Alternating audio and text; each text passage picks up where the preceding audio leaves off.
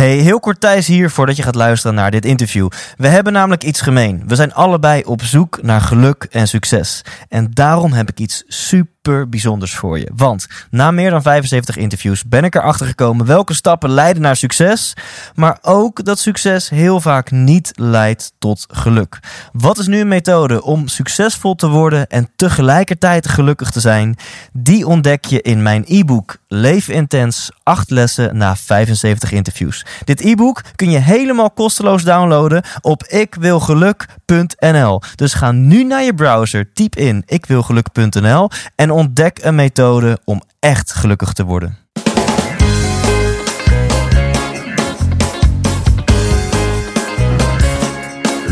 Hey, wat goed dat je luistert. Hij staat weer voor je klaar. Je wekelijkse dosis inspiratie is weer daar. De allerleukste gasten geven al hun kennis prijs. Met je veel te blije host, hij praat je bij. Zijn naam is Thijs. Thijs, Thijs, Thijs, Thijs, Thijs. 100% Thijs. Ja, ja, ja, ja, ja. Het is me gelukt. Ik heb de enige echte Michael Pilarczyk hier voor mijn microfoon laten verschijnen. Althans, nou ja, op afstand dan. Want Michael eh, zat lekker op Ibiza in zijn villa. En ik hier eh, ja, in het ook zo mooie Amersfoort in mijn kantoor. Ja, verschil moet er zijn. En ehm, dit was trouwens ook een van zijn dromen. Michael die wilde altijd al wonen, leven op een warm eiland. En ehm, als iemand het voor elkaar weet te krijgen om niet alleen te dromen, maar ze ook te realiseren, dan is het Michael Pilarczyk wel.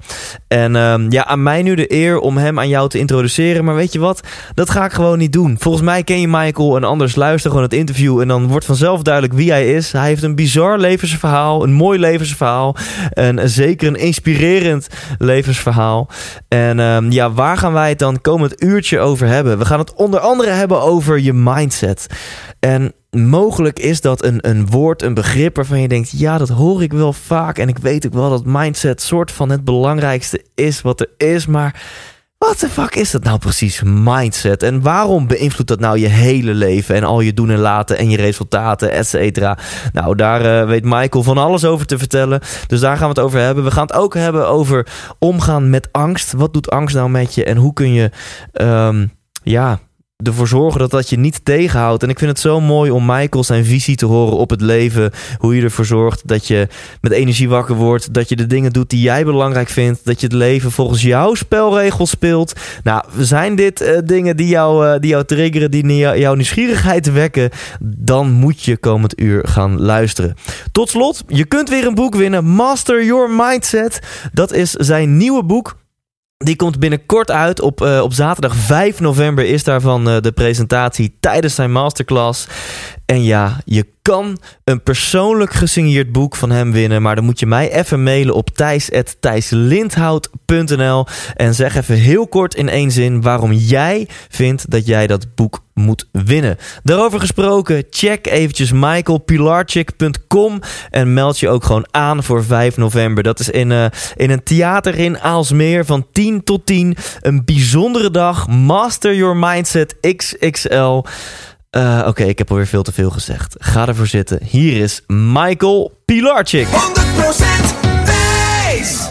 Ja, dames en heren, uh, niet tegenover mij, maar uh, nou, ook weer niet aan de andere kant van de oceaan. In elk geval via Skype op Ibiza zit Michael Pilarczyk.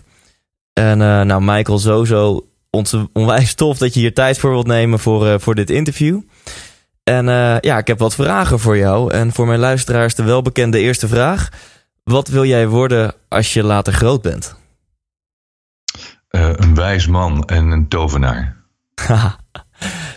Leg uit, een tovenaar. ja, dat, ik heb altijd wel iets met, met tovenaars en magiërs gehad. Dat, ja. dat leek me mooi toen ik uh, jong en klein was. Ja. Uh, en misschien wist ik helemaal niet eens wat het was. Maar als je klein bent, denk je van ah, tovenaar, dat, dat klinkt wel spannend ook. En ik heb me altijd een beetje met dat soort zaken bezig gehouden dat, uh, dat er meer zou zijn dan wat wij uh, waarnemen met onze zintuigen. En dat is ook wat ik nog steeds aan het doen ben. Een beetje de alchemist uh, spelen voor mezelf. Ja. En ik hoop als ik later echt groot en oud ben... dat ik, dat ik dan echt een tovenaar mag zijn. Ja. Dus uh, ja, dat, uh, dat klinkt natuurlijk heel vaag als je Ja, precies. Dus, uh, ik weet wel een klein beetje waar je het over hebt. Maar mensen denken, huh, geesten, alchemist. ik weet dat jij hier nou ook wel een beetje thuis bent. Kan je er eens heel ja. kort wat over vertellen? Dat vind ik eigenlijk wel leuk. Um, ja, het heeft allemaal te maken met, met energie. Alles op deze, op deze aarde, ons leven, alles bestaat uit energie. Ja. En, en verschillende dimensies. En als je het heel simpel uh, zou uh, uitleggen, zou je kunnen zeggen: vergelijk, vergelijk met een, een televisie. En als jij naar één kanaal kijkt, bijvoorbeeld naar Nederland 1 of naar RTL 4, dan zie je één kanaal tegelijk. Ja. Stel je nou voor dat je een televisie hebt waar je meerdere kanalen tegelijk kunt kijken. Dus uh, NPO Nederland 1, 2, 3, RTL 4, 5, 6, SBS, uh, BBC. Um, en die kanalen zijn dan verschillende dimensies die er zijn in ons universum. En als je die allemaal tegelijkertijd zou kunnen zien, dan kun je dus door bepaalde tijd- en ruimtedimensies heen kijken. En uh, nou, dat, dat, vond ik heel boeiend. En ik ja. ontdekte ooit in mijn leven dat, uh, ja, dat ik daar wel een soort talent voor had. Dat, ja. ik, dat ik eigenlijk meer kon zien dan andere mensen. Dat ontdek je pas als je merkt dat andere mensen dat niet kunnen zien. Ja. Ja. En um, nou, toen werd ik uh, echt voor, uh, voor gek verklaard, ook door mijn ouders.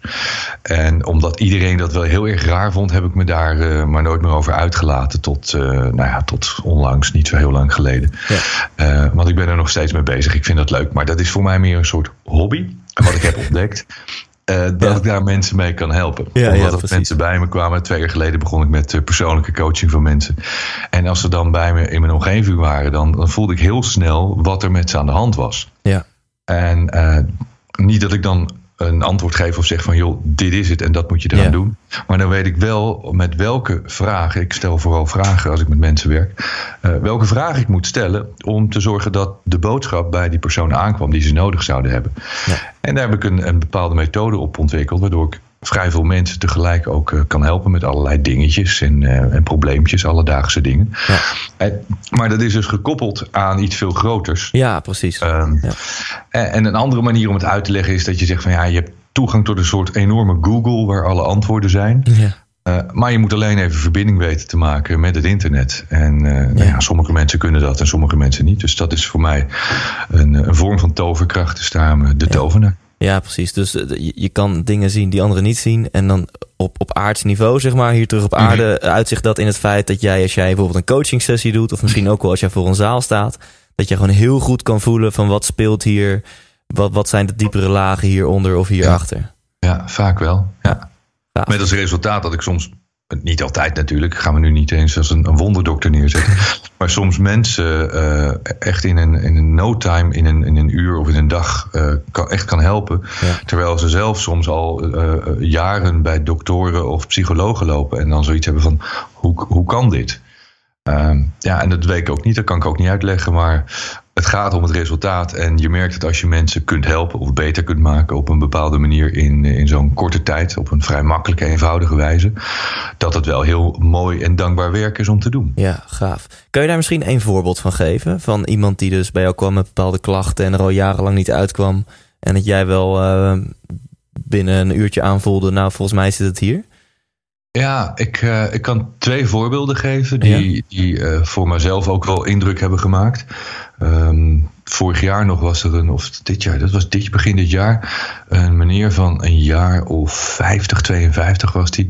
Uh, deed mee met een online masterclass van me. Dat is een programma van 10 weken. Dus dan ben je 10 weken bezig met een, uh, met een uh, ja, programmaatje, werkboeken, video's die ik dan laat ja. zien, waar ik allerlei dingen vertel. En die man die was al twee jaar thuis en die had een flinke burn-out. En die kwam toen ook bij een live event uh, bij me. Toen zei hij van ja, het gaat allemaal niet goed met me. Zijn vrouw was erbij, het ging niet goed. Hij had een burn-out, zat thuis, uh, geen werk meer en hij wist het allemaal niet meer. En de dokter vond het ook wel een zeer zwaar geval. Ik zei, nou weet je, uh, wie zegt dat je een burn-out hebt? Mm -hmm. En alleen die vraag al, en misschien ook wel de manier waarop ik die vraag dan stel... en met de energie die ik dan op dat moment heb... Dat deed al zoveel dat hij zei, ja, de dokter. Ik zeg, oh... En, maar dit is wel heel vaak wat er gebeurt in de medische wetenschap. Als de dokter heeft bepaald dat jij een burn-out hebt, ja.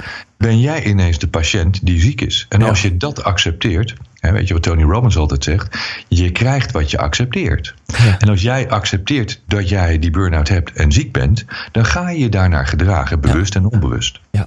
Dus jouw hele systeem, je lichaam en je geest gaan zich daarnaar gedragen. Zo van, oh ja, ik ben ziek. Ik moet wel voldoen aan de criteria van iemand die een burn-out heeft.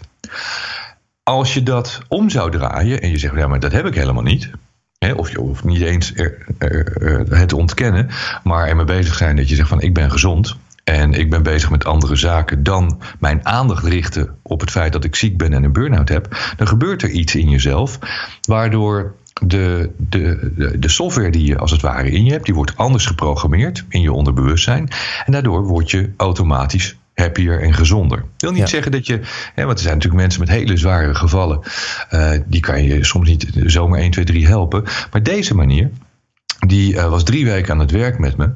En toen eh, kreeg hij een briefje van eh, zijn huisarts. waarop stond: van nou, Pim, je bent, je bent genezen. Want ik, ja, ik, en, en ik kreeg een brief van zijn vrouw. die zei: ja, de huisarts die, die begrijpt niet wat er met hem gebeurd is. Want hij, hij was echt twee jaar heel erg ziek en heel depressief. En ja, in drie weken tijd lijkt het wel een herboren nieuw mens. En hij heeft weer zin in dingen. Nou, en ik zie het ook, volg hem dan op zijn Facebook. Ja. Doet leuke dingen. Eh, ja, het is een vrolijke man geworden. En waarschijnlijk alleen maar omdat tot hem door is gedrongen dat hij niet degene is die ziek is, maar dat. Er waren natuurlijk wel bepaalde aspecten, maar dat hij zich is gaan gedragen naar die rol van ik heb een burn-out.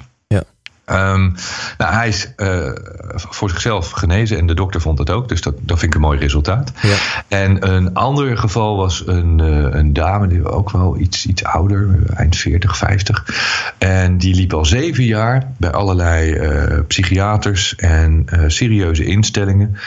Had geestelijke problemen, was alcoholverslaafd, rookte echt belachelijk veel. Is één keer bij me geweest. En ehm, ik denk een paar weken later kreeg ik een brief van haar. Dat er echt een soort, soort licht was aangegaan. En wat in al die jaren met al die mensen, psychologen, psychiaters, niet was gelukt. Dat, eh, ondanks het, ik, ik heb niks gedaan, maar ik heb alleen haar het inzicht gegeven, het bewustzijn gegeven. Waardoor ze zich heeft ingeschreven in een kliniek. Ze is maandenlang in Zuid-Afrika geweest, in een kliniek, of wekenlang is ze daar geweest. Ze kwam terug en ze schreef me nog een brief en zegt: Mike, je hebt echt, echt mijn leven zo veranderd. Eigenlijk, ik ben opnieuw geboren. Ik voel, ik voel dit echt als: ik krijg een tweede kans. Ik ben helemaal gezond. Ik ben blij. Ik ben happy. Ik, ik durfde echt jarenlang niet de deur uit, de straat op. Ik kom weer gewoon buiten. Ik rij weer auto. Ik heb weer een leven. En eh, nou, die brief heb ik echt altijd wel bewaard. Die heb ik ook bijna altijd bij me. Want dat Ja. vond, ik, zo'n mooi iets. Dat ik dacht van, wauw, weet je. Als je het leven van één iemand op, op zo'n manier zo positief kunt Ja. veranderen... Dan, dan heeft je hele bestaan in dit leven heeft al zin. Ja, daar krijg je toch kippenvel van. Ja, dat soort dingen vind ik, vind ik echt te gek. Tof. Ehm, ja, allebei de verhalen. Ik, ik zit echt ehm, te genieten en heerlijk te luisteren. Maar ik, Ehm. ik ben geen dokter. Hè? Nee, ik- nee, dus e- even voor. eh, Het zijn stel. extreme gevallen, maar het moet ook niet zijn, want ik, ik kan niet duizend van dit soort mensen gaan eh, Nee. proberen te helpen. Dat is ook niet de bedoeling. Nee, nee, dat je allemaal brieven krijgt van mensen met een burn-out en met psychische Nee, ik- ik- stoornissen. Van er Michael, wel veel, doe your je. magic. Ja, en, eh, en ja, dit, dit, komt, dit komt voorbij. En eh, ja, ik vind gewoon als dat dan gebeurt, moet je helpen. Als dat kan. Nou, in dit geval lukte me dat. Maar ik, ik probeer ook heel hele andere leuke dingen te doen natuurlijk. Ja, misschien even leuk voor de mensen. Stel, hè, jij staat in de kroeg met iemand te praten en die kent jou nog niet. Die weet niet eh, wie Michael Pilarczyk is. En eh, Ja. aan diegene wil je even uitleggen hoe jouw leven en hoe jouw carrière tot nu toe is gegaan. Hoe, wat zou je dan, eh, hoe zou je dat uitleggen? Heel kort. Ja, nou, laten we zeggen in twee minuutjes. Ik had een droom, een, eh, een, een passie, een enorm verlangen. Ik was 13 jaar, ik luisterde naar de radio en, eh, en, en ik wist gewoon op dat moment dat is wat ik wil. Ik wilde bij de radio en dat was heel specifiek. Ik praat over midden jaren 80. Eh, Veronica, dat was toen eh, de grootste publieke omroep. Vrijdag, volle vrijdag lang, hadden ze programma's op Radio 3. Dat was wat ik wilde. Iedereen zei dat is onmogelijk, dat kan niet. Ehm, vier jaar later was ik, eh, was ik DJ bij Veronica. Eh, de stem van Veronica Televisie. Eh, ik heb mijn droom waargemaakt alleen maar omdat dat het enige was wat ik wilde. Er was geen backup plan. Dat was wat ik wilde. Dat was mijn leven. paar jaar later zijn wij met een aantal DJ's van, van Veronica weggegaan daar. Ehm, onze baas Lex Harding heeft toen Radio 538 opgericht. Jarenlang heb ik bij 538 plaatjes gedraaid, elke dag ongeveer eh, vier uur eh, per dag. Uh, vanaf 1995 videoclips gepresenteerd bij The Music Factory. Ongeveer alle grote popsterren van de jaren 90 persoonlijk gesproken. En toen werd ik op een dag wakker en had ik er geen zin meer in. En ik vind ook, als je iets doet wat je niet meer leuk vindt, moet je ermee stoppen. Ja. Dat was uh, eind 1998. Toen ben ik vroegtijdig met pensioen gegaan. Ik was 8, 29 jaar. Ik had uh, heel zuinig geleefd, had geld gespaard. Dat geld had ik geïnvesteerd in aandelen. Dat was een hele goede belegging, vond de bank in die tijd. Ik verloor in een paar weken bijna 2 miljoen. Uh, ik verloor nog meer zelfs, maar ik had uiteindelijk een, een, schuld van 2 miljoen, want ze hadden me ook heel veel geld geleend. En daar is mijn leven wel grotendeels bepaald. je moet je voorstellen, je bent 29 jaar. En je hebt een schuld van bijna 2 miljoen gulden toen. Dat, dat viel wel mee natuurlijk. Dat waren geen euro. Oh, gulden. Ja, je moet het in perspectief zien. Maar het leven was voor mij ineens uitzichtloos. Ik had geen idee hoe, hoe ik ooit zo'n groot bedrag nog eens bij elkaar kon, uh, kon gaan verzinnen om dat goed te maken. Toen heb ik in een fractie van, van een paar momenten overwogen hoe ik een einde aan het leven kon maken. Ik zag het echt niet meer zitten. Mm en, uh, en in die bepaalde periode kwam ik mijn zakelijk mentor tegen, uh, Dan Peña, een business coach uit Amerika, woont op een kasteel in Schotland. Ik ben naar hem toegegaan. Hij heeft me in een week uh, seminar privé, één op één. Ik was er met een maatje, vriendje Colin. Uh, waren echt twee broekjes in, in een driedelig pak met een rode stropdas. Gingen we daar naartoe. Mm Hebben les gekregen van deze man. Die heeft ons uitgelegd hoe je bedrijven bouwt in korte tijd. Hij heeft een bepaalde techniek daarvoor. En ik had binnen een jaar tijd samen met uh, twee hele verstandige zakelijke financiële partners, investeerders, een bedrijf opgebouwd met een omzet van 25 miljoen. Zo. En we hadden 150 man personeel in dienst op dat moment. Nou, dat groeide echt zo snel dat ik dat niet meer aankom. Er was gelukkig een heel goed management, want ik was wel slim genoeg om daar goede mensen voor aan te nemen. Alleen die hele goede mensen die vonden na een jaar of twee zoiets van, ja, wat, wat doet deze gozer eigenlijk hier? En die hebben toen vriendelijk verzocht of ik uh, daar wilde uh, opstappen. En toen stond ik ineens uh, op straat zonder bedrijf. Ik werd ontslagen uit mijn eigen bedrijf. en, en je was wel eigenaar, toch? Of dat niet? Nou, ik, ik was aandeelhouder voor een derde. Ja. maar dan kun je als directeur natuurlijk gewoon wel worden, worden ontslagen. Ja. nou, het ware verhaal heb ik, heb ik, in mijn nieuwe boek geschreven. Ja. want ze konden me niet ontslaan, dus ze hebben me gedegradeerd tot stagiair. Uh, echt waar. Ik werd van, van uh, algemeen directeur werd ik uh, in, in een dag werd ik ineens stagiair. Ja. maar wel met een directiesalaris. Dus ik was de beste, best betaalde stagiair ever. maar dat was niet heel leuk natuurlijk. Ook, ook heel raar voor het personeel op dat moment. Van ja, wat, is, wat, is, wat gebeurt hier eigenlijk? Wat ja. is dit? En, uh, en vier maanden later ben ik daar uh, opgestapt ja. zelf. En ben ik met, uh, met Pilarczyk Media Groep, mijn televisiebedrijf, daarna opnieuw doorgegaan. En heb ik een nieuw televisiebedrijf opgestart, en een reclamebureau en een internetbedrijf. En dat heb ik in 2007 allemaal verkocht. En daarna ben ik ongeveer zo'n drieënhalf jaar ben ik gaan zeilen met mijn boot. En ben ik in Barcelona terechtgekomen, waar ik een paar jaar gewoond heb. En, uh, en nu zijn we net een uh, half jaar geleden met ons uh, kantoor van de Mastermind Academy verhuisd naar Ibiza. En daar, daar zijn we nu ook bijna, bijna alle, alle dagen van de maand. Ja. Um, ik heb zo'n 6 miljoen vragen nu. maar punt al voor hoe je dit samenvat. Nou, dan moet je de belangrijkste, die moet je altijd stellen. De rest die, die, die van, vanzelf weg. Nou, ga, ga, ik doen. Want je zegt um, om en nabij 27, 28 jaar uh, jong. En toen uh, was jouw bankrekening min 2 miljoen. Ja. Naar, ik geloof, ongeveer 10 jaar later. Ja. Um, was je bijna financieel vrij. Of was je volgens mij financieel vrij nou, na, de, na de verkoop ja. aan Telegraaf? Ja, ik stond... Uh, in 99 stond ik min 2. En uh, nou in 2002, toen ik met PMG begon, stond ik uh, op min 2,5 zo'n beetje. Want ik had nog een half miljoen bij de bank geleend om te investeren in, uh, in dat andere bedrijf. En dat ging dus ook niet helemaal goed. Nou, heb je dus sowieso de, wel goed kunnen overtuigen als jij de bank weet over te halen om jou een half miljoen te lenen als je al ja. min 2 miljoen staat. Ja, dan ga je natuurlijk wel naar een andere bank. Ja, Tip Ik, 1. ik, ik had een schuld van eh, 1,9 miljoen bij de ABN AMRO. Ja. Eh, ja, dan moet je niet met een verhaal naar, naar de ABN AMRO gaan van... kan ik nog een half miljoen lenen? Dat, Nee. dat werd hem niet natuurlijk. Nee. Dus ik ging naar, eh, naar de ING. En, eh, en ik had daar wel een heel goed, heel goed verhaal. Ik had toevallig eh, een maatje met wie ik daar was. eh, die was hier eh, afgelopen week. We hebben al die verhalen ook opgehaald. En eh, we zeiden ook eh, van... Kijk, waarom waren we op dat moment voor korte tijd heel succesvol? Omdat we geen idee hadden. Hè, we hadden geen idee wat er mis kon gaan. Wat er überhaupt kon of niet kon.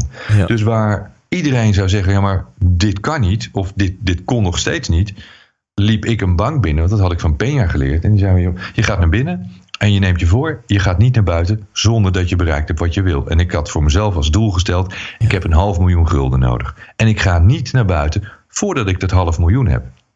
Ik wist toch helemaal niet dat het niet kon. En eh Ja, en ja. Peña had tegen mij gezegd: en je gaat ook niet tekenen voor eh, allerlei waarborgen, privé en alles. Je hebt een heel goed verhaal. Je moet met passie die man overtuigen van je plan. En op je blauwe ogen moet hij gaan geloven. En dan moet je maar zien. En ik loop die middag met die vijf ton daar die bank uit. Ja. Voor mij, dat ik dacht van nou, dat plan wat die, die meneer Peña daar in eh, Schotland aan me heeft uitgelegd, dat werkt dus. Ja. Iedereen zei het kan niet. En het nadeel is, hè, ik had het daar met, met Colin over eh, van de week. Doordat je er zelf daarna ook in gaat geloven van ja, eigenlijk kan het niet. Wordt het steeds lastiger en op, het, op den duur lukt het je ook niet meer. Omdat je niet meer overtuigd bent dat het echt gaat gebeuren. Ja. Maar goed, toen lukte het wel. En ehm, want wat was je vraag? Ik ging van eh, eh, ruime 2,5 miljoen toen in de min. Ehm, nou ja, in 2002 startte ik met PMG. En vijf jaar later verkocht ik het. Dus in vijf jaar kan je leven totaal veranderen. Want toen Ja. werd er echt een paar miljoen bijgeschreven. Ja, en dan is dus mijn, in ieder geval niet dus, maar dan is een vraag die ik dan meteen heb. Kan je eens een aantal ehm, tips meegeven? Wat zijn nou drie dingen die jij in die vijf jaar hebt gedaan, die ervoor gezorgd dat jij van min 2 naar plus eh, genoeg om van te leven bent gegaan? Nou, je moet iets doen waarmee je geld kunt verdienen.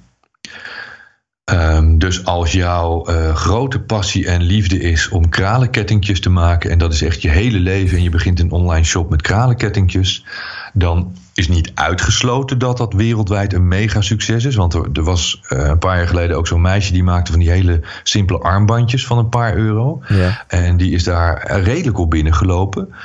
Maar door de bank genomen, als je met kraaltjes en kettingjes een beetje gaat eh, zitten knutselen, dan wordt dat niet een webshop die je voor 10 miljoen gaat verkopen. Althans, Nee. dat- dat, als, als, als business coach zou ik zeggen van volgens mij moet je iets anders gaan doen. Ja.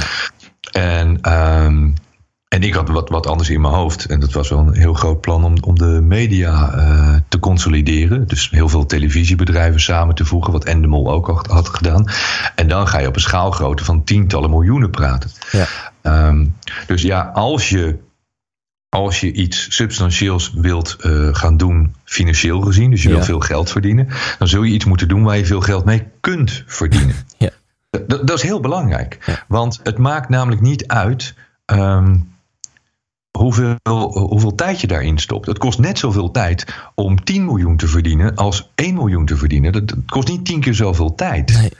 Het is alleen, je moet een multiplier hebben Ja. waardoor jouw tijd meer oplevert. En als, als jij voor tijd betaald wordt en je, nou laten we zeggen, je kan max 80 uur per week werken. En doe eens heel gek, je vraagt 1000 euro per uur, dan kan je 80.000 euro per week verdienen. Ja. Dat is een belachelijk bedrag, maar dat zou haalbaar zijn. Maar, maar dat is dan echt wel de limit, want meer gaat het niet worden. Terwijl als jij natuurlijk een product kunt verkopen eh, en je maakt één keer dat product en je verkoopt dat product oneindig vaak, dan ga je daar veel meer omzet mee maken. Dus je moet heel goed kijken van word ik betaald voor mijn tijd of voor mijn toegevoegde waarde. En als je toegevoegde waarde hebt, kijk naar eh, topsporters, grote artiesten, die krijgen betaald voor hun kwaliteit, niet voor hun tijd. Ja. Ja. En eh, op die manier kun je natuurlijk wel een multiplier toepassen op jezelf of op je bedrijf, waardoor je uiteindelijk veel meer geld gaat incasseren aan het einde van de rit. Betekent wel dat je heel hard moet werken. Al die jaren keihard werken. Maar het is een misperceptie om te denken van ja, maar ik werk heel hard. Dus nee, heel hard werken betekent niet dat je rijk wordt. Sterker nog, ik zeg altijd, als je heel hard aan het werk bent, heb je geen tijd om geld te verdienen. En geld verdienen doe je niet met heel hard werken. Ja. Maar je moet wel hard werken om dat geld te verdienen. Maar je hebt tijd nodig om na te denken, om strategisch eh, het inzicht te hebben hoe je meer geld kunt verzamelen. En geld verzamelen is niks anders dan jouw toegevoegde waarde ruilen voor een materialistisch iets wat we geld noemen. maar doordat jij iets, iets aanbiedt wat heel veel mensen uh, graag willen hebben, omdat het ze iets oplevert, zijn ze bereid daarvoor iets te betalen. Ja, ik hoorde laatst een, he- ik hoorde een hele mooie uh, metafoor van Tony Loorbach laatst. Die, die gaf aan: ja, wil je voor de rest van je leven kolen blijven scheppen? Dus blijf je die kolen scheppen en in de oven gooien. En als je dan dus stopt met scheppen, dan, uh, ja, dan brandt die oven niet meer. Of wil je wat anders gaan doen, zodat ook gewoon uh, die, uh, zeg maar die verwarming kan, kan draaien zonder dat jij daar tijd in steekt, dat je kolen ja. blijft scheppen. Ja. ja, het is toch een beetje wat je hier en daar wel ziet opduiken natuurlijk. Passief inkomen genereren. En dat betekent niet lui zijn, want passief inkomen betekent nog steeds dat je wel uh, heel erg uh, je kopie erbij moet houden. Ja. Maar dat je niet altijd die uren moet omzetten in geld. He, dat, uh, ik vind een mooi voorbeeld. Ik geef jonge mensen vaak het advies. Ik zeg, ga, nou, ga nou conceptief niet te veel geld opmaken als je jong bent. Ja, als je zo midden 20, eind 20, begin 30 bent, probeer nou geld te verzamelen. Probeer zo snel mogelijk iets in vastgoed te gaan investeren. Wat ze mij overigens ook adviseerden toen ik die leeftijd had, maar nooit gedaan heb. Ik ging in aandelen. Dat was levensgevaarlijk. Ik raakte het kwijt. Maar op het moment dat jij een, een klein pandje hebt, ook al kun je maar een klein pandje kopen en je kunt dat verhuren. Dat betekent dat, dat je elke maand bijvoorbeeld 1000 euro of 1200 euro aan inkomsten krijgt. Dan heb je natuurlijk ook je kosten van je pand en zo. Maar je krijgt elke maand inkomsten. En over de lange termijn genomen heb je waardestijging op je huis. Het is allemaal geen rocket science. Ja. De mensen die dit gedaan hebben, die zijn er niet slechter van geworden. Ja. Ik had het moeten doen, weet Ja. je. Ik vind het heel dom.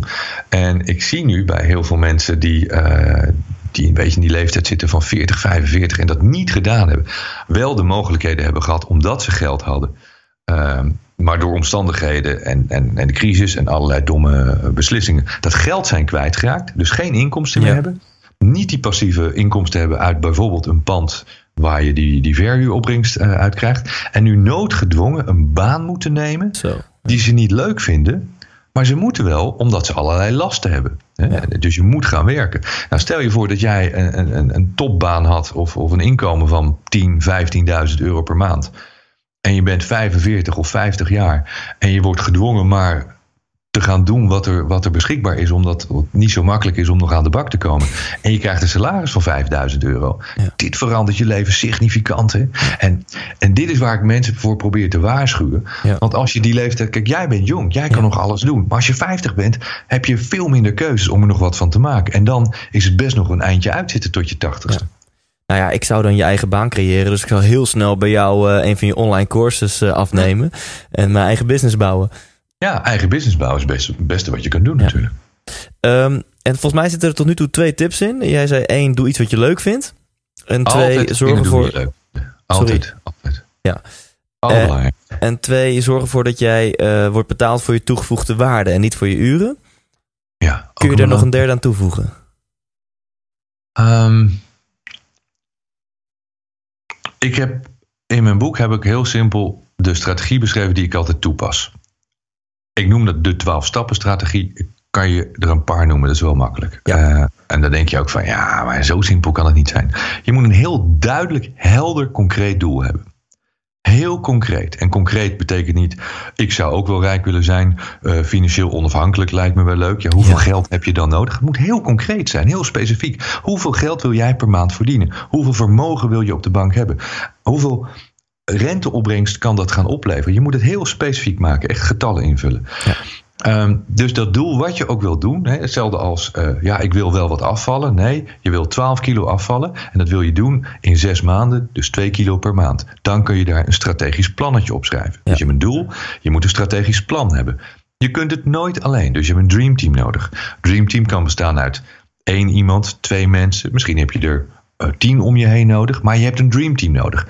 Thuis heb je een ander dreamteam dan op je werk. Uh, met je sportclub heb je een ander dreamteam. Met je vrienden heb je een dreamteam. Alles is een team van uh, mensen die complementair aan elkaar zijn. Mensen om je heen die iets kunnen wat jij niet kan. Die bijvoorbeeld een track record hebben die je ergens kunnen binnenbrengen. Waar je anders zelfstandig niet binnenkomt. Toen ik mijn eerste boek schreef, uh, twee jaar geleden. Heb ik er een uitgever bij gevonden. Een uitgeefster. En zijn we samen een nieuwe uitgeverij begonnen. En zij had weer het netwerk om vertegenwoordigers binnen te brengen. Uh, de mensen die we nodig hadden om dat eerste boek, Dans in de Hemel was dat toen, om dat tot een succes te maken. Ja. Want je kan het niet alleen. En zeker niet als je nieuwe dingen gaat doen. Dus doel, strategisch plan, dreamteam, heel erg belangrijk. Gerichte aandacht. Veel mensen noemen het focus. Blijf focus houden op je doel. En dat doel moet groot zijn. Want als je een klein doel hebt, dan verlies je het uit het oog. Klein Ja. doel, dat, dat, er komt maar een, een, een, Stel je voor, je, je doel is zo groot als een tennisbal. Eh, er komt een probleem voorbij ter grootte van een voetbal. En ineens zie je je doel niet meer, zie je alleen nog maar het probleem. Op het moment dat je je aandacht ergens op richt, groeit het. Dus die voetbal, dat wordt een skippiebal. Je bent Ja. je doel volledig kwijt en je bent alleen nog maar bezig met het probleem. Ja. Dus je, je moet zorgen voor een groot doel. En het doel hoeft niet realistisch te zijn. Je moet realistisch zijn in waar je staat. Maar in mijn optiek is bijna niks onrealistisch. Alleen eh, als je dat heel simpel uitlegt. Ja, je kan niet in een, een jaar miljonair worden als je nu 1000 euro per maand verdient. Maar in 10 jaar zou het wel kunnen. Ja. Weet je, dus je moet wel rekening houden met de termijn en eh, de omvang van je doel. Dat is Ja. heel belangrijk. Nou, dat, dat zijn eigenlijk de meest belangrijke tips. Als je dit gaat uitvoeren en je laat je niet afleiden door allerlei dwazen die je, die je ervan afhouden met... ja, maar wat als het misgaat en heb je daar wel eens over nagedacht? Als je echt gericht bezig bent en al je aandacht vestigt op wat je wil... dan kun je eigenlijk niet mislukken. Het is bijna onmogelijk. Mooi. En ik denk ehm, dat dan de belangrijkste vraag allereerst is: wat, wat vind je leuk? Want het moet wel allemaal in lijn zijn met wat jouw energie geeft. Ja, Dat je wel hè, gas geeft in een richting dat, eh, dat jou ook echt energie brengt en dat jou happy maakt. zeker. Dat is een beetje de vraag der vragen. En ik verwacht niet dat jij de holy grail hebt. Maar misschien heb je wel een praktische tip. Hoe kom je er nou achter waar je passie ligt? Wat je leuk vindt? Hoe kun je het niet weten? ja, ja, nou ja, veel mensen die, eh, die denken het niet te weten volgens mij. Hebben ze er wel eens over nagedacht? Jij zegt het. Het is heel makkelijk om te roepen, ja, ik weet niet wat ik wil. Misschien hypnotiseren ze zich. eh, nee, maar hebben ze echt, Ja? echt wel eens over nagedacht? Ja. Mensen zijn heel gemakzuchtig, hè? Nou, ik weet niet wat ik wil, ik weet niet wat ik leuk vind. Nou joh, dan ga je toch niks doen? Dan verkloot je lekker de rest van je leven. Het is jouw leven. Als je te lui bent om dat uit te zoeken... Ja. Ja, weet je wel... Mensen roepen wel eens dat ik heel confronterend en hard en bot ben... Maar als je met dit soort echt belachelijk stomme vragen bij mij aankomt... dan denk ik van, joh, ga naar huis, ga je huiswerk doen. Ja. Ja, ik weet niet wat ik leuk vind. Dan doe je het niet. Wat ik- verwachten ze dan? Dat jij een antwoord hebt of iemand anders? Oh, het, het eerste wat jij zegt van ik weet niet wat ik leuk vind. Nou, roep maar wat. Vul mijn leven maar in. Ik ga het leven van iemand anders leiden. ja. Dat is wat je gaat doen. Je moet toch zelf weten wat je wilt. En als je dat niet weet, moet je dat uitvinden. En er zijn talloze manieren om dat uit te vinden. Er zijn natuurlijk eh, psychologische testen voor en al- allerlei dingetjes die je kunt doen. Ik zeg altijd heel simpel: pak twee vellen papier, twee vellen leeg papier. Boven de ene zet je een plus en boven de andere een min. Dus je hebt een vel positief en een vel negatief. Wat je gaat doen, dit is zelfkennis. Je gaat alles opschrijven wat je leuk vindt. Alles wat er in je opkomt wat je leuk vindt. Dat kan zijn, eh, ik hou van bitterballen, ik hou van de zon, ik hou van strand, ik hou van wintersport, ik hou van eh, Porsches 911.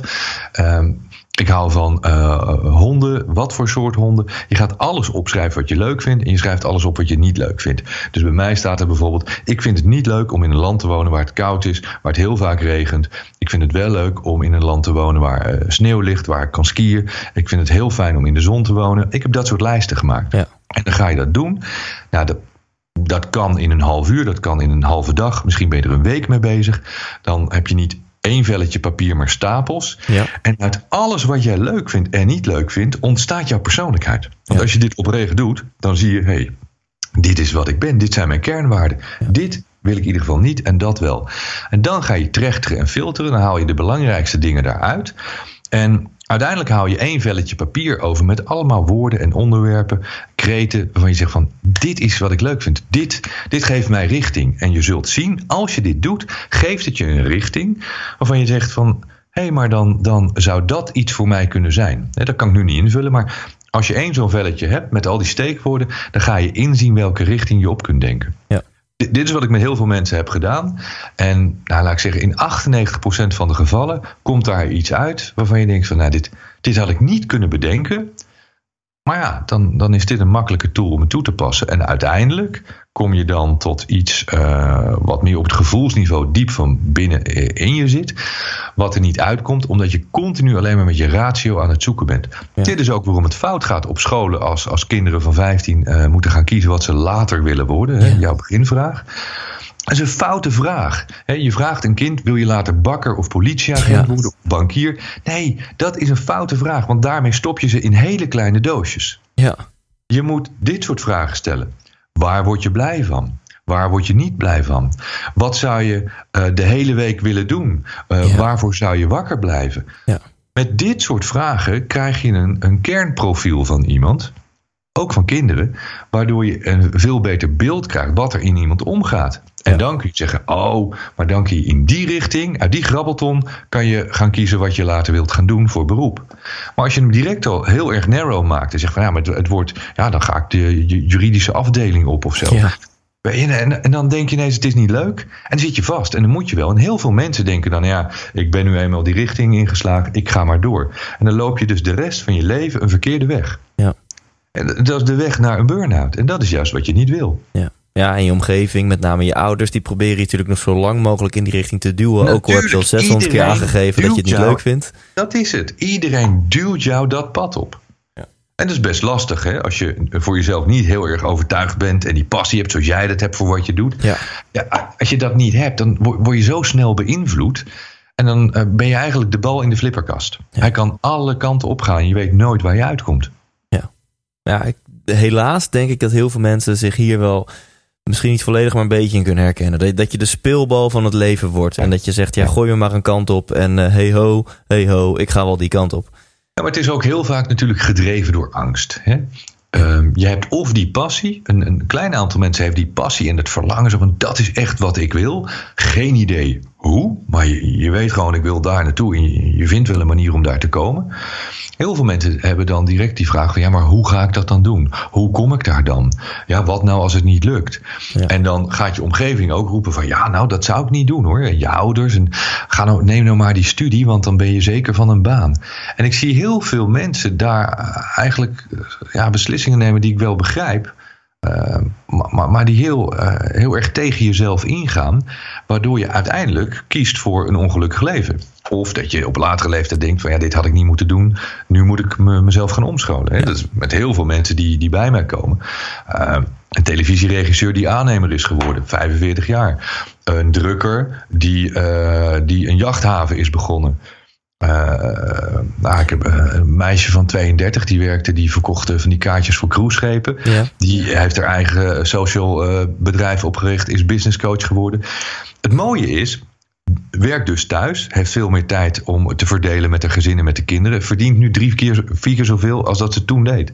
Ja. Uh, een, mevrouw, een mevrouw, die uh, vond ik wel mooi, die, die kwam bij me eerder dit jaar en die zei: Ja, mijn passie is honden en ik wil met beesten, wil ik allerlei dingen doen.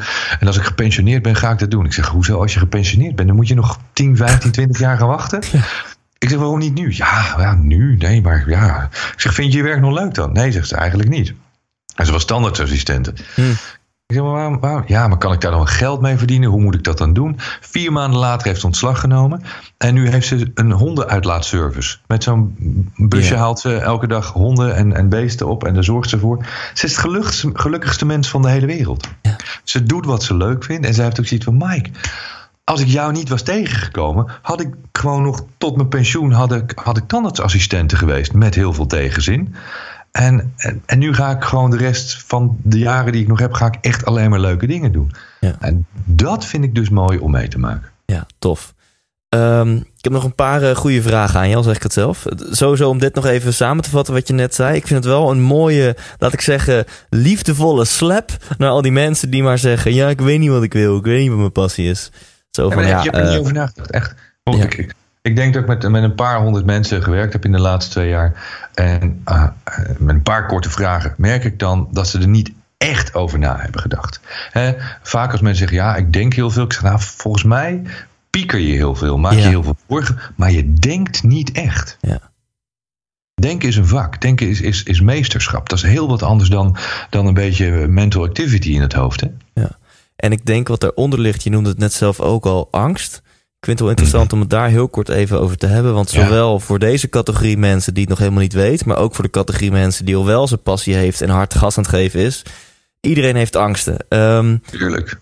kun je daar eens wat over vertellen? Wat, wat, eh, hoe, hoe ben jij daarmee omgegaan? En heb je tips voor eh, misschien wel mensen zoals ik? Hoe ga ik om met angst? Wat is je angst? Ehm, ja, op dit moment eh, heb ik daar geen goed antwoord op. Dus dat is denk ik positief. Maar je hebt wel eens angst dat je denkt van... jongen, wie ben ik nou om dit allemaal te doen? En om weer eh, mijn kop boven het maaiveld uit te steken... en alle aandacht op me te richten. Doe je dat? Eh, ja, zo zouden, zo zouden andere mensen dat kunnen zien. Wat heb jij met andere mensen te maken? Ja, helemaal niks. Nou ja, in jouw geval eh, wel, want anders heb je geen publiek. Heb je geen luisteraar. Ja, precies. Kijk, kijk, tenzij als nou echt van de honderd mensen... eh, meer dan de helft zegt... ik mag jou niet en wat je doet, dat slaat nergens op... dan moet je misschien toch wel eens na gaan denken van... hey, doe ik misschien iets verkeerd? Mhm. Denk ik. Verstandig. Maar is dat angst? Nee, denk het niet. Nee, kijk, het is geen angst. Net noem je het misschien nog angst, maar nu blijkt dat je heel helder aan het nadenken bent. Als de helft van je publiek afhaakt, doe je waarschijnlijk iets verkeerd voor dat publiek. Ja. En als je dat publiek wilt bedienen, moet je waarschijnlijk iets anders gaan doen met je podcast. eh, moet je andere mensen gaan uitnodigen.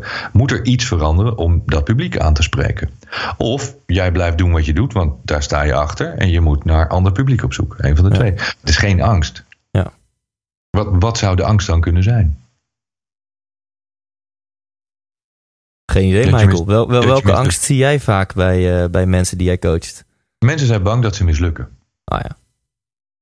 En dan is de vraag, maar wanneer ben je dan mislukt? Eh, ja, ja, dat is dus al een vraag waar ze vaak geen antwoord op hebben. Ja, Ja. ja. nee. en wat jij net zegt, dat is dan wel vaak het antwoord. Ja, wat anderen ervan vinden. Ja. Ja, maar ik, ik heb niks met anderen te maken. Dat, klinkt, dat klinkt misschien heel erg blasé en arrogant, maar ik schrijf een boek en ik, ik doe het naar mijn beste kunnen. Ik werk met hele goede mensen die mij daarbij helpen en adviseren. En als die mensen zeggen, Mike, dit is echt een heel goed boek.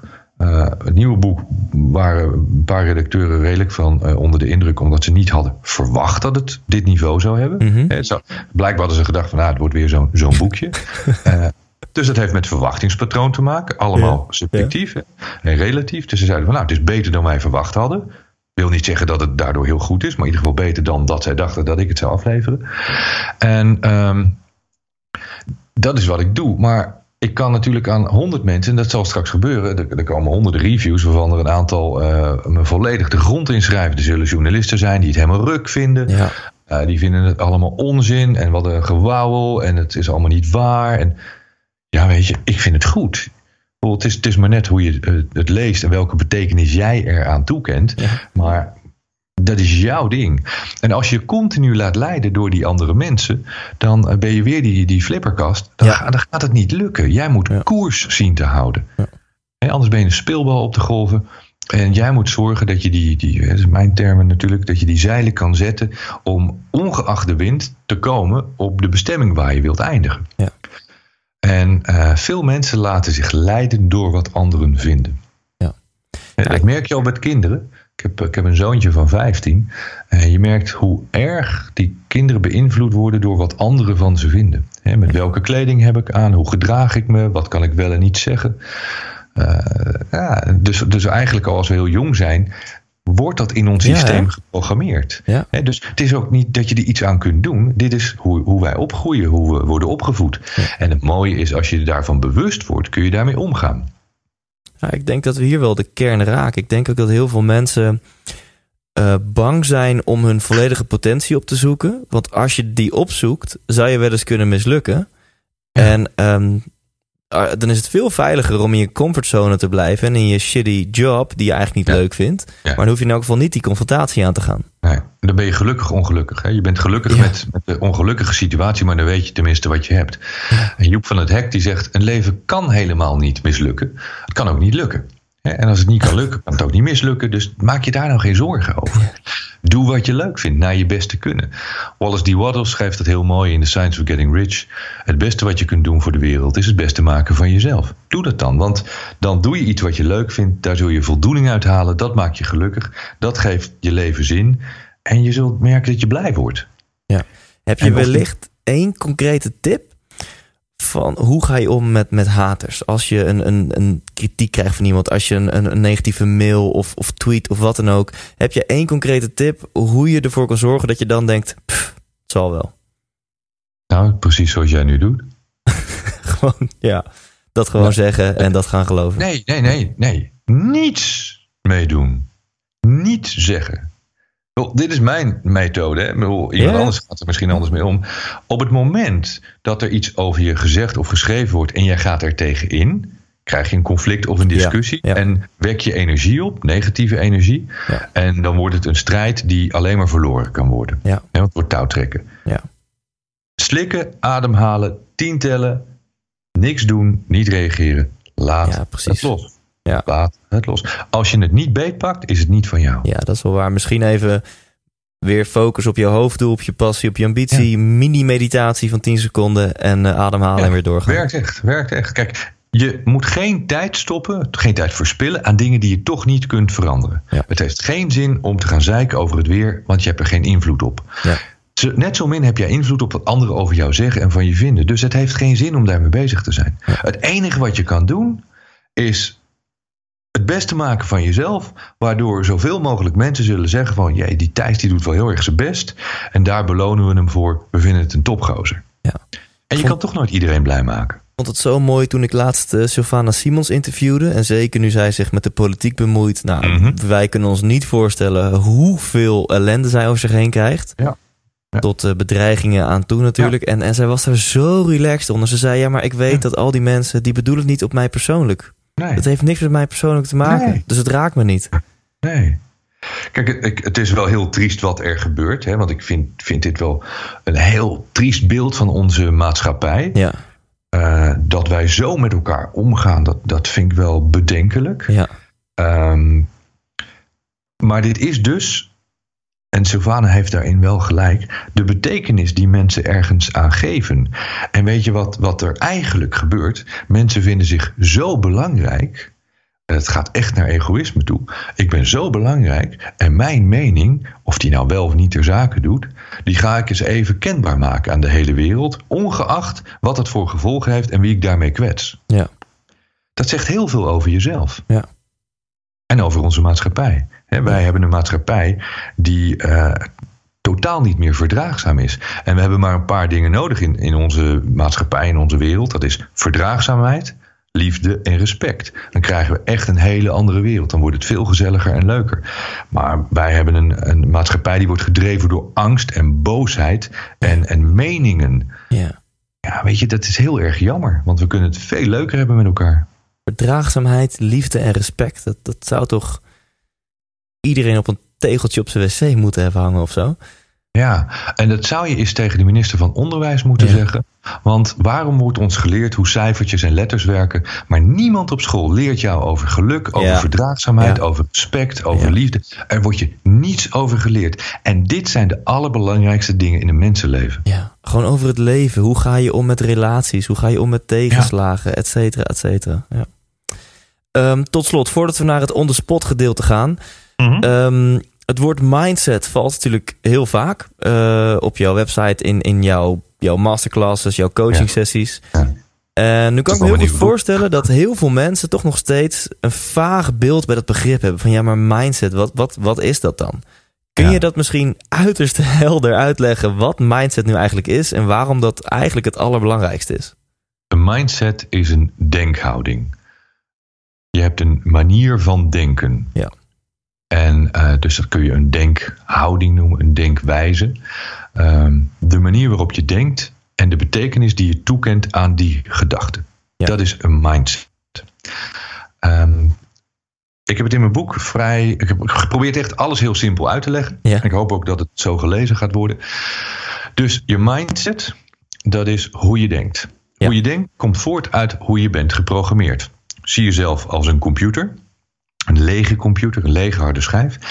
En je wordt geboren en daarna komt er steeds nieuwe informatie in jou. Hè, door je ouders, eh, mensen om je heen, op school, wat je hoort, wat je leest op internet, Ja. ziet op televisie. En daarmee word jij geprogrammeerd. Daarom ben je uniek. Uh, je bent niet een persoonlijkheid. Je wordt niet als een karakter of een persoonlijkheid geboren. Het is maar een heel klein gedeelte wat in je DNA zit. En het meeste wordt geprogrammeerd. Dat vormt zich tot wie jij bent. Hoe jij daarmee omgaat, dus hoe, hoe jij tegen die dingen aankijkt uh, in de wereld, of zoals jij net zegt, hoe mensen met een Sylvana Simons omgaan, of met andere mensen, wat wij vinden van Hillary Clinton en Donald Trump. Al dat soort zaken, dat, dat zijn onze meningen, die zijn gebaseerd op onze conditionering. Ja. We zijn geconditioneerd. Dat is dat besturingssysteem dat ons aan de gang houdt. En daar zit heel veel onjuiste informatie tussen. Dus wij hebben allemaal, iedereen, niemand uitgezonderd, ik ook. Wij hebben allemaal foutieve software in ons zitten, waardoor wij uh, niet alles goed doen in ons leven. Voor onszelf, voor andere mensen. En als je dat gaat inzien, je wordt je daarvan bewust en je Ja. krijgt dat inzicht, kun je die elementjes eruit gaan halen. Die kun je wissen en vervangen door hoe je wel wilt dat het is. En dan ga je dus anders denken. Ik denk nu anders over heel veel zaken dan tien jaar geleden. Ehm, mijn, mijn denkwijze is, is heel erg veranderd in de laatste tien jaar. Ik zal niet snel meer ruzie hebben met, met andere mensen. Ik, Ja.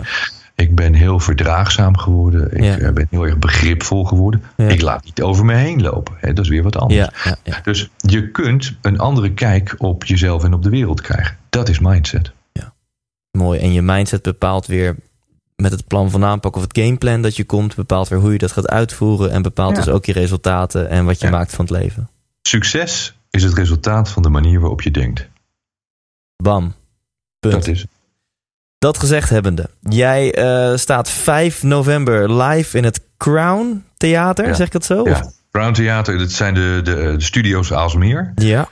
Eh, daarin, in die studio's Aalsmeer is het Crown Theater. En eh, voor het eerst een theatershow. Ehm, ja, het is ook weer niet, niet echt Joep van het Hek of Marco Borsato in het theater. Maar ik, ik doe mijn masterclass. Ja, Ehm, andere mensen noemen dat een seminar. Ik vind dat een beetje stoffig woord. En wat ik doe is ook, ja, ik vind het meer een masterclass. Ja. Eh, zowel zakelijk als spirituele ontwikkeling is dat eh, het gaat over het nieuwe boek Master Your Mindset, waarin ik al dit soort dingen eh, heb beschreven. Het is niet zo'n heel dik boek geworden overigens.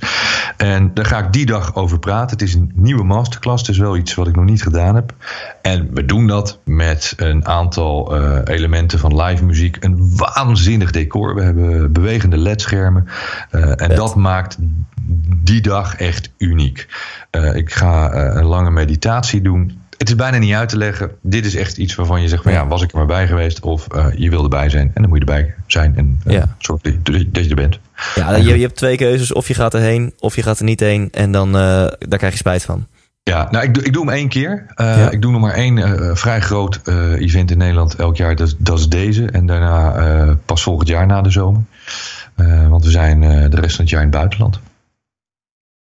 Vet. Ik Ehm, zit nu ook op, je, erbij op je website. Trouwens, je hebt een, ik vind echt een belachelijk goede website. Als ik op jouw site zit, wil ik echt me inschrijven. Ik wil geld naar je overmaken. Ik wil je tips. Ik wil, nou, dat is denk ik ook de bedoeling ehm, van een goede website. Dus ik vind het echt heel tof. Ja, Ehm, waar, want ik zit nu gewoon op michaelpilacic.com. Kunnen mensen daar een kaartje kopen? ja volgens mij als je daar, eh, daar zie je het, eh, het event staan. Master Your Mindset. 5 november live experience. Oh als ja, je dan klikt op meer info, dan, Oh, het eh, filmpje. dan kun je ze Oh. kopen. Onder het filmpje. Ik zie nu een... eh, ik heb nu Michael live en Michael op video kijken. Zo. Ja, kijk. Nou, je ontkomt er niet aan. Er start meteen een video en klik op meer info en dan kan je kaarten kopen. Ja. Ehm, en jouw boek, is het eh, een ideetje dat jij eh één of twee exemplaren signeert en dat ik die mag verloten onder mijn luisteraars? Wat een goed idee.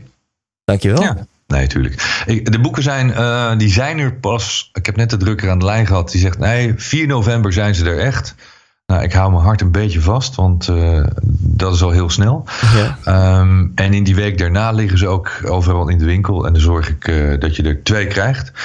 En als je weet wie de winnaars zijn, kan ik ze ook nog mijn naam signeren. Ja, tof, dat weet ik. Want ik werk altijd zo. Mensen mogen een e-mail sturen naar thijs.thijslindhout.nl met een Mhm. korte motivatie. En dat levert tot nu toe echt hele leuke mails op met mooie verhalen. eh, waarin mensen uitleggen waarom ze graag een boek willen winnen. Ja, Dus dat, mogen mensen nu weer doen. En dan winnen ze een gesigneerd boek, persoonlijk gesigneerd. Ja. Eh, het boek Master Your Mindset. Vet. Leuk. Ik ben echt heel benieuwd naar je boek. Ik denk dat ik hem echt in één dag uit ga lezen. Ik ga je er een sturen. Te gek. Zodra ze er zijn, krijg je er een van. Ja, tof. Dankjewel. Ik ga je onder Dankjewel. on spot zetten. Dus neem nog een slokje water. Zit met Ja. energie in je stoel. Dit is Mhm. natuurlijk spannend. Klotsende oksels. Dat soort dingen. Komt-ie. Ochtend of nacht? Ochtend. Bestuurder of passagier? Bestuurder. Groene smoothie of Engels ontbijt? Groene smoothie. Naakt of pyjama? Naakt. Kamperen of all-inclusive? All inclusive. Klassieke muziek of death metal? Klassieke muziek. Nooit meer seks of nooit meer muziek? Nooit meer muziek. Hutje op de hei of herenhuis aan de gracht? Herenhuis aan de gracht. Wilde tijger of Russische dwerghamster? Wilde tijger. Malediven of IJsland? Malediven. Thuis koken of uit eten? Uit eten. Basic fit of personal trainer? Personal trainer. Maandagochtend yoga of vrijdagmiddag borrel? Maandagochtend yoga. Risico's nemen of op veilig spelen? Risico's nemen. Geld maakt gelukkig of geld maakt ongelukkig? Geld maakt gelukkig. Richard Branson of Steve Jobs? Mm, Branson. Justin Timberlake of Justin Bieber? Justin Timberlake. Focus op de toekomst of focus op het hier en nu? Focus op nu. En genieten van de weg er naartoe of genieten van het eindresultaat? Genieten van de weg er naartoe. Ja, mooi. Ik vind het ehm, mooi dat je zegt eh, all-inclusive resort en ook eh, herenhuis aan de gracht. Ja, ik Eh, zeker gezien het feit je, het, geloof ik, drie jaar lang op een zeilboot hebt geleefd. Ja, zeven jaar op een boot gewoond. Zeven jaar zelfs. Ja. Is dat dan eventjes genoeg met het primitieve? Of, ehm, Nou, dat is ook wel de reden dat ik nu dacht van... eh, ik ga weer eens even in een eh, all-inclusive eh, ding op Ibiza zitten een tijdje. ja, heerlijk. Nou, ik moest snel antwoorden. Maar ik, ik, ik weet, ik, ik heb ook altijd graag een, eh, een pand aan de gracht gewild. Eh, Ja. Ik heb dat ook de afgelopen twee jaar gehad. We hadden kantoor aan de Brouwersgracht. Dat, eh, dat hebben we nu net verkocht. En het kantoor is nu ook eh, verhuisd naar Ibiza. En een mooi kantoor aan de gracht vind ik wel heel fijn. Om daar dan ook te wonen. Lijkt me heel leuk. En all-inclusive. En die andere was kamperen. ja, dat was inderdaad of kamperen of all-inclusive.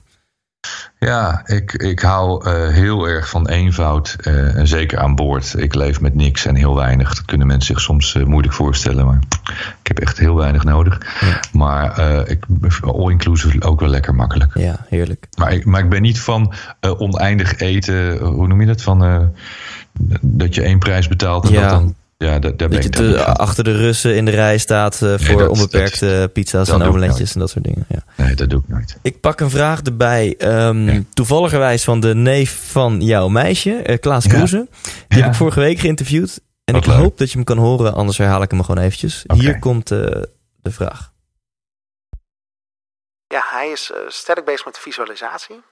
Eh, dus Michael, ehm, mijn vraag aan jou is, want het is visualiseren en eh, je hebt het boek net eh, vertaald in het Nederlands eh, van eh, Think and Grow Rich van Napoleon Hill.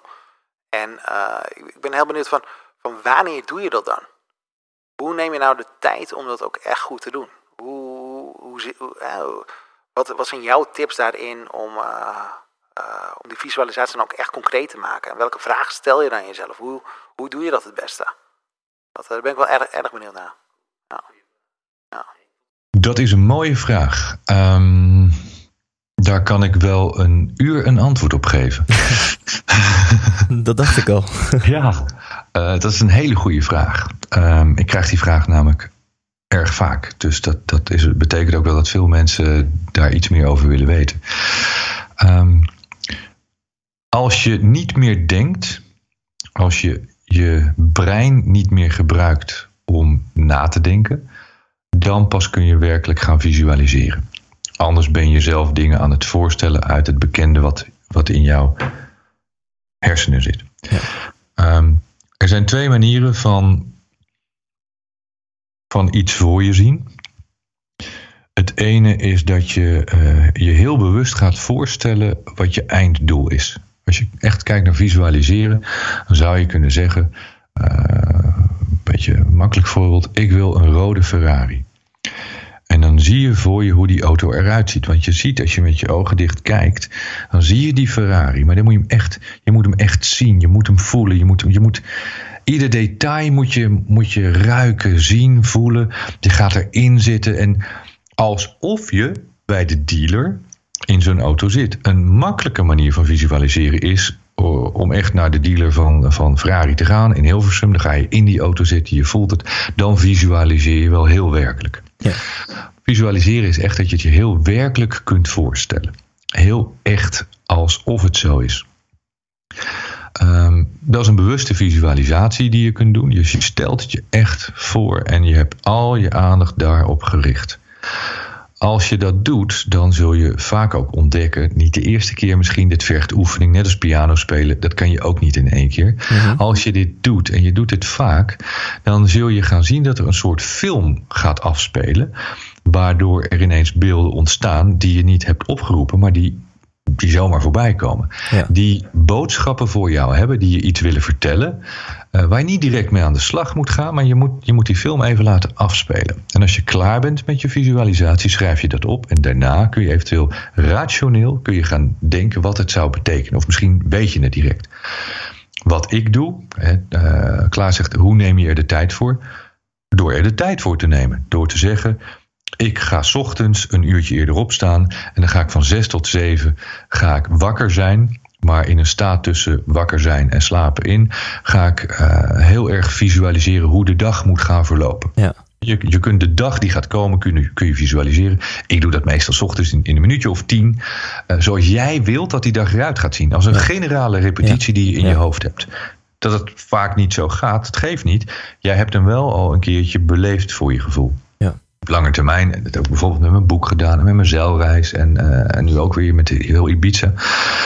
Dan moet je volledig de leegte kunnen opzoeken. Dat betekent dat je tijd nodig hebt. Het kan niet zijn dat je zegt, ik heb even een half uurtje om te visualiseren... en daarna heb ik een hele drukke dag. Nee, je moet echt, echt absolute rust he hebben voor jezelf. Dus een momentje in de week. Dat je echt denkt van, nou, ik ga nu lekker zitten. Pak je eerst een uurtje rust, ga je, weet ik veel, mediteren. Je gaat ademhalingsdingetjes doen. En zet je muziekje op en dan ga je denken aan, aan dat einddoel, datgene wat je wil zien, en daarna laat je het los.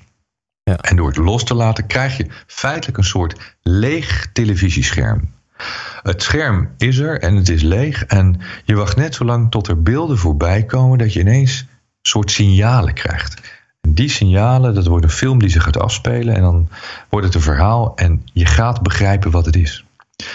Ik kan het niet anders uitleggen dan dit in deze korte tijd. Ja. Dit zijn echt dingen die, ja, dat, daar ben ik soms wel een dag mee bezig om, om echt goed Ja. te doen. Je moet het ook doen. En je, je moet het ervaren om te begrijpen wat het is. Iedereen, nou ik wil niet zeggen iedereen, maar laat ik zeggen, 98, 7, 98 eh, procent van de mensen die dit met me doen, die snappen het daarna, die voelen het, die, die maken het mee. En sommige mensen die gaan er echt heel erg dwars in. Die zeggen, nou, dat gaan we gewoon niet doen. Maar als je meedoet, dan, dan ga je ontdekken wat er gebeurt. Maar het is heel lastig om dit uit te leggen. Uh, het, het, is zelden dat je aan een blind iemand de wereld moet uitleggen hoe Ja. mooi het allemaal uitziet. Ja. Dat is echt heel moeilijk. Ja. Uh, misschien kan het, maar ik zou niet weten hoe Nou, zonder het zelf te ervaren. Ik denk nog meer reden om een kaartje te kopen voor Master Your Mindset op 5 november. Want daar, Dankjewel. Nou, daar, je Ja. zei dat we een uur gaan, eh, gaan mediteren daar, toch? Dan gaan we dit ook wel een beetje meemaken, denk ik, of niet? Ja, ik ga een, eh, een, een lange med- meditatie, visualisatie doen. Ehm, en die doen we dan live. En het mooie van die live situatie is. ehm, jij weet het ook, eh, Tony Robbins doet het ook vaak. Dan, je krijgt een, een groepsenergie die heel bijzonder is, die heel krachtig is. En door de samenstelling van die energie gaan er dingen gebeuren die je van tevoren nooit kunt voorspellen. En de ene keer gaat het veel dieper dan de andere keer. Maar het, is zo'n mooie beleving om dat mee te maken. En als je dan ook echt meedoet en je overgeeft. Ah, dan, ik vind het echt ongeveer het mooiste wat er op zo'n dag gebeurt. Ja, vet. Jij mag een vraag stellen aan Wilco van Rooyen. We hadden het net al Mhm. even kort eh, over hem. Ja. Bergbeklimmer en eh, nou, dat doet hij best leuk. Eh, en jij mag een vraag aan hem stellen. Wat drijft je om dit soort, in mijn optiek, risicovolle acties uit te halen? Waarbij volgens mij je leven af en toe op het spel kan staan. Ehm, waar best wel consequenties aan zitten als het misgaat. Heb je mij ook. Hè? Dan ga ik toch direct van, maar wat nou als het misgaat?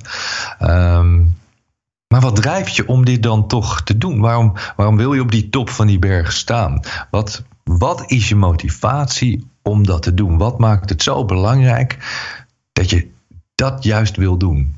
Ondanks alle gevaren. Daar ben ik heel benieuwd naar. Check. Vind ik een hele goede vraag. Dankjewel. Tot slot, ehm, is er nog een vraag die ik aan jou had moeten stellen, maar niet heb gedaan? Um, is een, uh, ja. Nee, je je hebt wel heel veel vragen gesteld. En volgens mij heb je er nog 5,5 miljoen. Dus er zit er vast eentje tussen die je niet gesteld hebt. Ja, precies. Um, hartstikke bedankt, Michael. Ik vond het echt superleuk. Leuke vragen, dankjewel Thijs. 100% Thijs! Ja, bedankt voor het luisteren. Dit was Michael Pilarczyk. En heb je het nog niet gedaan, ga nu naar michaelpilarczyk.com. Doen, nu, gaan. michaelpilarczyk.com. Koop die kaarten voor zaterdag 5 november. Een hele dag lang Master Your Mindset XXL. Ik ga daarbij zijn. Mogelijk gaan wij elkaar daar ontmoeten. Ik, um, ik vind het heel tof. Ik ga niet heel vaak meer naar seminars. Want ik wil uh, vooral mijn tijd focussen op mijn persoonlijke doelen en gas geven. Maar soms maak ik een uitzondering en denk ik... Ja, dit is toch wel heel gaaf. En daar, daar ga ik heen. Ik wil dat meemaken. 12 uur lang van 10 tot 10 in een theater in Aalsmeer. Zaterdag 5 november. Koop echt nu je kaarten. Want uh, geloof me, dit gaat heel waardevol zijn. En dit gaat heel tof zijn. Tot slot, wil je graag dat boek? Dan, uh, dan kan je die winnen als je mailt naar thijs.thijslindhout.nl. En mogelijk win jij een persoonlijk gesigneerd boek van niemand minder dan Michael Pilarczyk. Volgende week staat Wilco van Rooyen voor je klaar. Een bijzondere man, een bergbeklimmer die meerdere malen op het randje van de dood heeft geleefd. Ik ga hem volgende week interviewen en zijn um, levensverhaal staat dan voor jou klaar. Inclusief tips, inspiratie en meer. Tot dan en leef intens.